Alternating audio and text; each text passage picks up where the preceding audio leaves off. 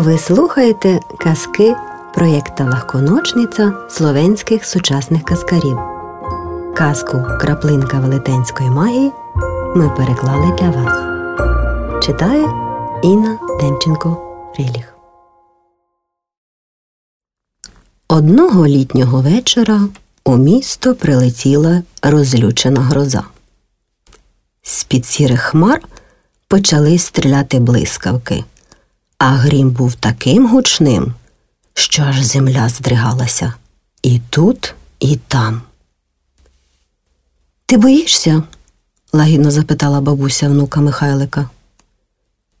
Якщо чесно, то я трохи боюся, хлопчик кивнув головою. Я хочу, аби мій тато був поруч зі мною.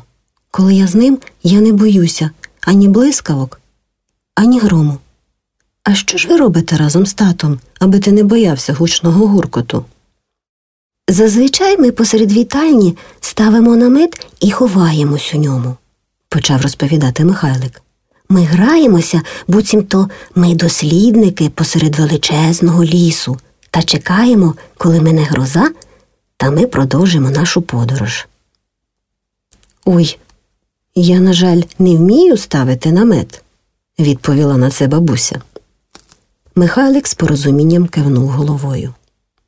А якщо ми зателефонуємо татові та мамі? запропонував він через якийсь час. Вони просили їх не турбувати, бо вони на нараді, похитала бабуся головою.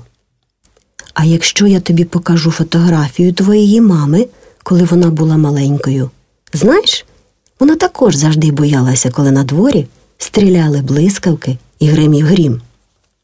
І що її могло заспокоїти та розрадити? зацікавився Михайлик. Казка про велетнів. Хочеш, я тобі її розповім? Ну, звучить цікаво, усміхнувся Михайлик. А ти вже колись чув, що велетні начебто насправді існують, почала розповідати бабуся. Насправді? запитав Михайлик і пригорнувся до бабусі. Ніхто точно не знає, де знаходиться їхня країна, продовжила бабуся. Про їхню країну можна дізнатися з віршів та оповідань, але ніхто її ще ніколи не знайшов і там не бував. Це одна з найбільших таємниць в усьому світі, від якої багато людей просто відмахуються руками, аби люди та велетні жили в одному й тому самому світі. Таке просто неможливо, кажуть вони. Проте люди б точно знайшли велетнів, розмірковував у голос хлопчик. Може, це й насправді так, погодилася з ним бабуся. Але якщо країна велетнів дуже добре захована. А для чого велетням взагалі ховатися? здивувався Михайлик. Вони ж великі. А якщо ти великий, тобі не треба нічого боятися. Насправді, велетні мали би бути дуже боязкими створіннями, розповідала бабуся. Тому вони живуть у глухому лісі, оточеному високими горами. Потрапити до них неможливо. Там вони мешкають у гарному селі, в хатинах, які вони самі побудували. Майже все, що вони створюють, вони роблять міцним, великим та потужним. Але коли вони чогось бояться, то їм стає дуже моторошно. Наприклад, коли починаються спалахи в небі від блискавок та починає гриміти грім. Саме тоді вони обіймають один одного та сильно пригортаються один до одного, і то так міцно, що в них аж починають хрустіти кістки. А коли вони починають плакати, з їхніх очей течуть велетенські сльози.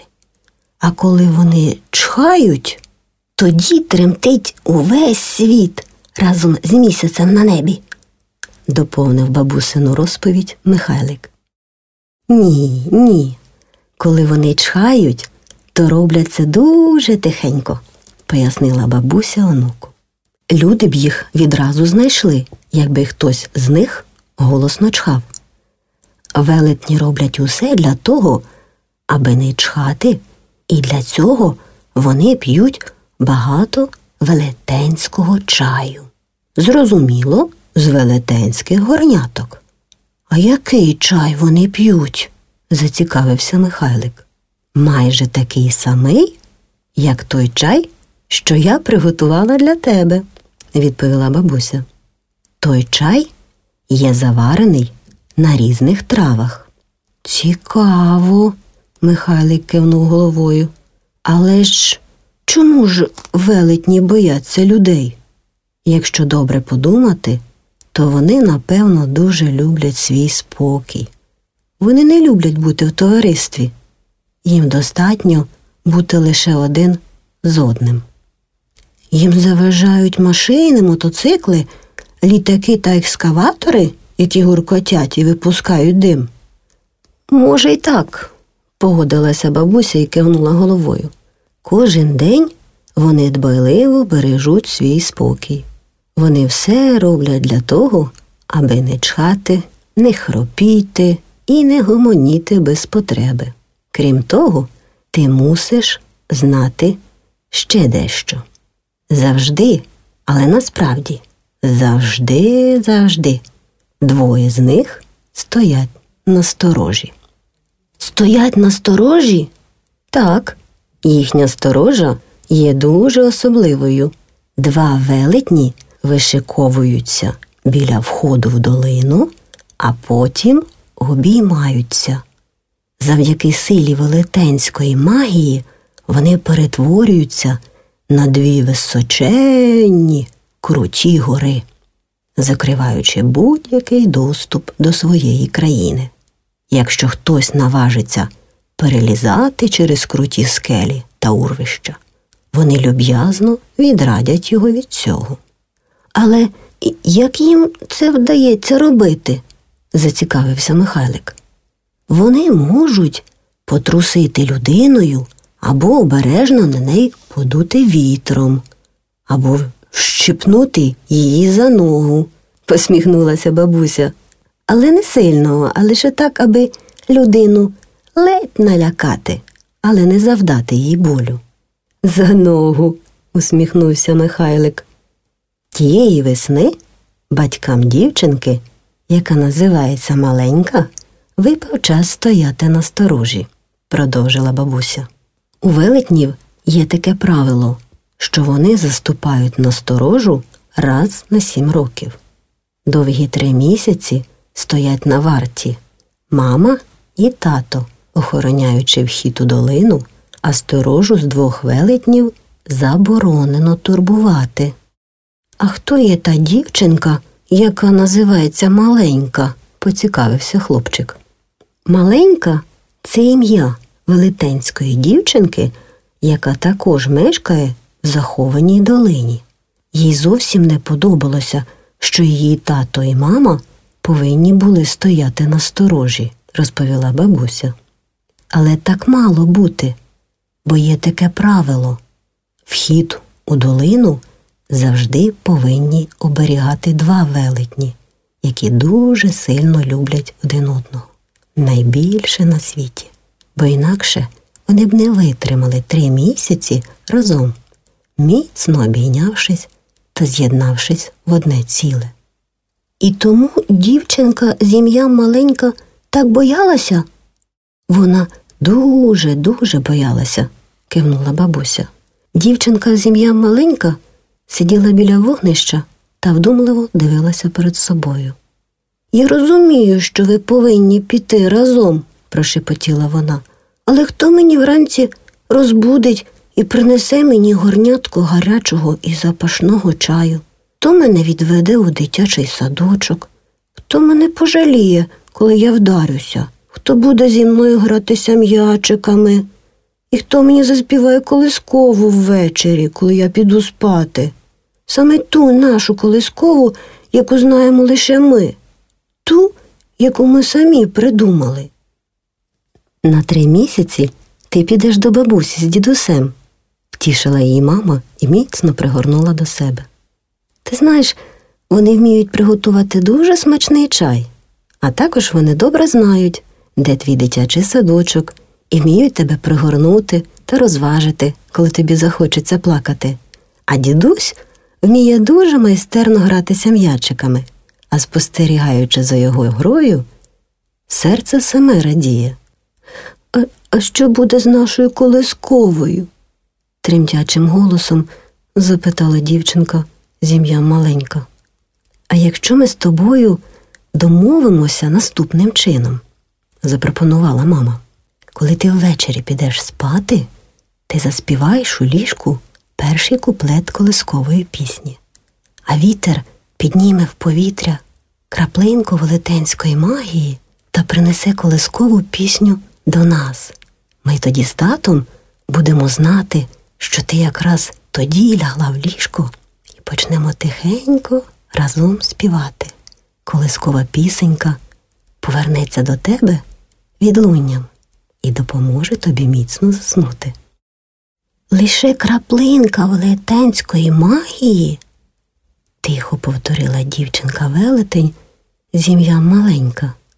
Я згідна, ми будемо робити саме так. Краплинка велетенської магії може зробити дуже багато, усміхнулася мама велетень і ніжно пригорнула донечку до себе. Ти взагалі не будеш боятися, бо ми будемо знати, що з тобою усе добре, а три місяці промайнуть швиденько. Бабусю, ти насправді думаєш, що на світі існують велетні? запитав Михайлик. Я переконана, що вони існують, кивнула головою бабуся. Я так само боюся, як і дівчинка з ім'ям маленька, коли зі мною немає мами і тата, зашепотів Михайлик. Боюся, що вони можуть мене забути, або з ними може щось трапитися, або слухай, жодного разу не було, аби вони не прийшли за тобою і тебе не забрали додому. Так, це, це правда. І сьогодні буде точнісінько так само. Мама і тата дівчинки з ім'ям маленька повернулися через три місяці додому та міцно, міцно обняли свою донечку. Що аж кістки захрустіли? запитав Михайлик. Так, саме так, усміхнулася бабуся. Бабусю, знаєш що? Навіть казка, яку ти мені розповіла, була краплинкою велетенської магії. Тим часом на дворі перестав падати дощ, перестало блискати й гриміти. І мені вже не страшно, посміхнувся Михайлик. Ой, так, насправді, усміхнулася бабуся. Ми можемо подолати страх або співаючи пісню, або слухаючи казку, або сидячи в наметі, який стоїть посеред вітальні. Ось так. І, звичайно, міцно обнімаючись. Але ми можемо також налякати і сам страх, здогадався Михайлик. Як, на твою думку, він би втік від мене, якби я йому сказав Іди від мене геть, ти, страшне страховисько. Може, й так, кивнула головою бабуся. А тепер ми з тобою вип'ємо чаю. Боже, дуже скоро прийде за тобою мама. Ой, усе минуло так швиденько, сказав Михайлик. Бабусю, ми будемо пити з тобою такий чай, який п'ють велетні. Майже такий самий, усміхнулася бабуся із великого горнятка.